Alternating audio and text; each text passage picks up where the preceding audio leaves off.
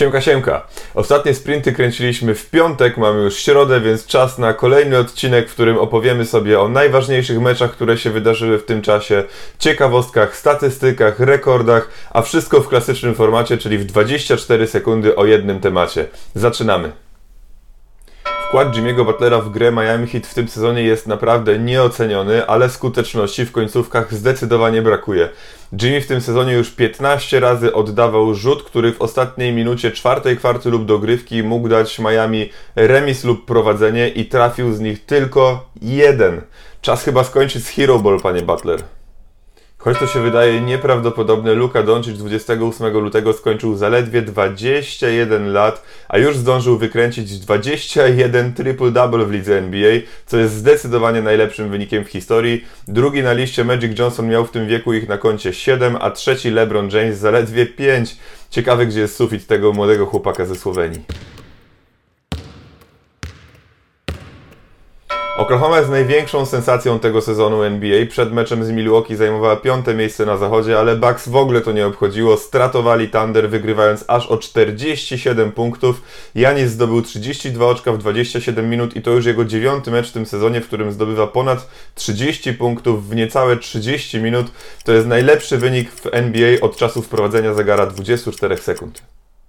LeBron James jest na najlepszej drodze, żeby zanotować 16 sezon z rzędu, w którym zdobywa co najmniej 25 oczek na mecz. Y, nikt w historii do tej pory nie może się pochwalić więcej niż 12 takimi sezonami w sumie, a do tego LeBron James w tym sezonie jest jeszcze najlepszym asystującym ligi. Parafrazując znany cytat, król może być tylko jeden.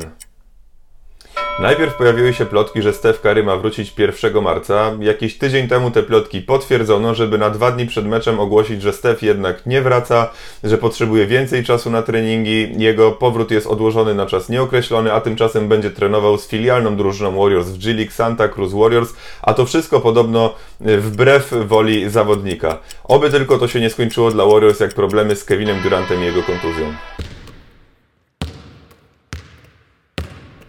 W pojedynku dwóch najgorętszych ostatnio drużyn ligi oglądaliśmy prawdziwy thriller. Trójka Jalena Browna dała Celton dogrywkę, ale w niej zabrakło już zawodnikom z Bostonu skuteczności. Zresztą obydwie drużyny w całym meczu oddały aż 97 trójek, z czego trafiły zaledwie 28, a bohaterem spotkania okazał się Russell Westbrook, który zanotował 41 oczek, trafiając 16 na 27 rzutów z gry i Houston ostatecznie wyjeżdża z jednopunktowym zwycięstwem z Bostonu.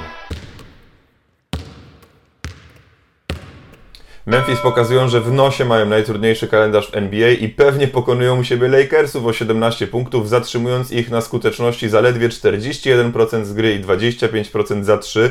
Fantastyczny mecz Jamoranta, który zdobywa 27 oczek, 14 asyst i 6 zbiórek. Do tego Jonas Valanciunas dokłada 22 punkty i 20 zbiórek i niedźwiedzie pokazują, że tego ósmego ostatniego miejsca na zachodzie łatwo nie oddadzą. Zion szybko dostał okazję, żeby zrewanżować się LeBronowi Jamesowi. Zagrał najlepszy mecz w dotychczasowej krótkiej karierze, zdobywając 35 oczek na 75% skuteczności i został pierwszym nastolatkiem w historii, który zanotował 11 meczów z rzędu z co najmniej 20 punktami, a jego pelikany sprawiły bardzo dużo kłopotów Lakersom, którzy do wygranej potrzebowali heroicznych wyczynów LeBrona Jamesa. Obyśmy takie pojedynki oglądali jak najdłużej. W meczu drugich sił swoich konferencji Nuggets pewnie pokonują u siebie Raptors, bo genialny mecz rozegrał Nikola Jokic, notując 23 oczka, 18 zbiórek i 11 asyst, a to wszystko przy 73% skuteczności z gry. Denver cały czas gra bardzo dobrze, bardzo solidnie, a nikt ich jak zawsze nie wymienia w gronie faworytów do tytułu. Czy to błąd? Okaże się w maju.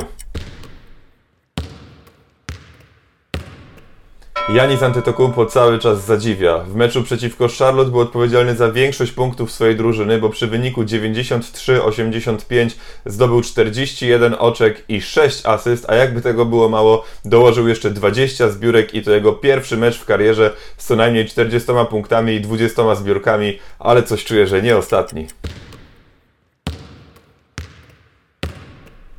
Sixers pomimo braku Bena Simonsa i Joela Embida sprawili zaskakująco wiele kłopotów Clippersom, bo drugi mecz z rzędu fantastycznie gra Shake Milton.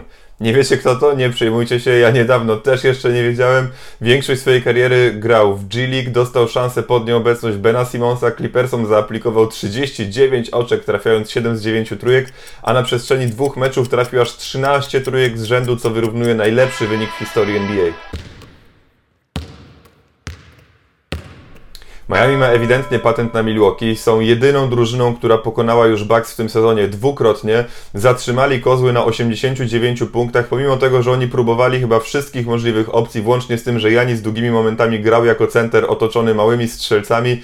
No ale Janis trafił dzisiaj tylko 6 na 18 rzutów z gry, zdobywając łącznie 13 punktów w meczu, co jest jego najgorszym wynikiem w tym sezonie. No i umiejętność grania przeciwko Milwaukee może być dla Miami bardzo przydatna w playoffach. Sensacja w Nowym Jorku, gdzie miejscowi Knicks pokonali świetnie grających ostatnio Houston Rockets. Knicks obnażyli wszystkie wady small ballu Houston, zbierając aż 31 piłek więcej e, od Rakiet, a jak do tego dołożymy 4 na 16 za 3 duetu Harden i Westbrook, to aż dziwne, że Rockets przegrali zaledwie dwoma punktami.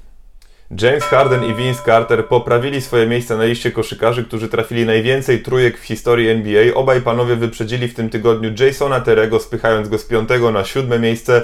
Teraz to Harden jest na miejscu numer 5, Carter na miejscu numer 6, a przed nimi Kyle Korver, który ma mniej więcej 140 więcej trójek na koncie od wymienionych panów. To tylko pewnie kwestia czasu, kiedy brodacz skoczy do pierwszej trójki.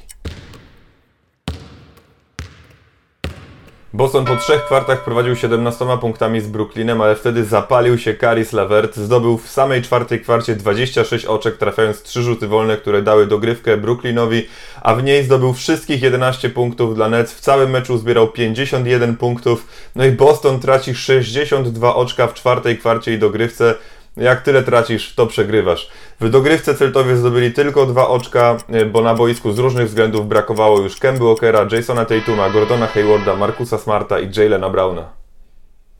To już tyle, jeżeli chodzi o dzisiejsze sprinty. Jak widzicie, w NBA cały czas się mega dużo dzieje, więc obserwujcie kanał na bieżąco. Wszystkie informacje, zarówno w formie postów, jak i filmików.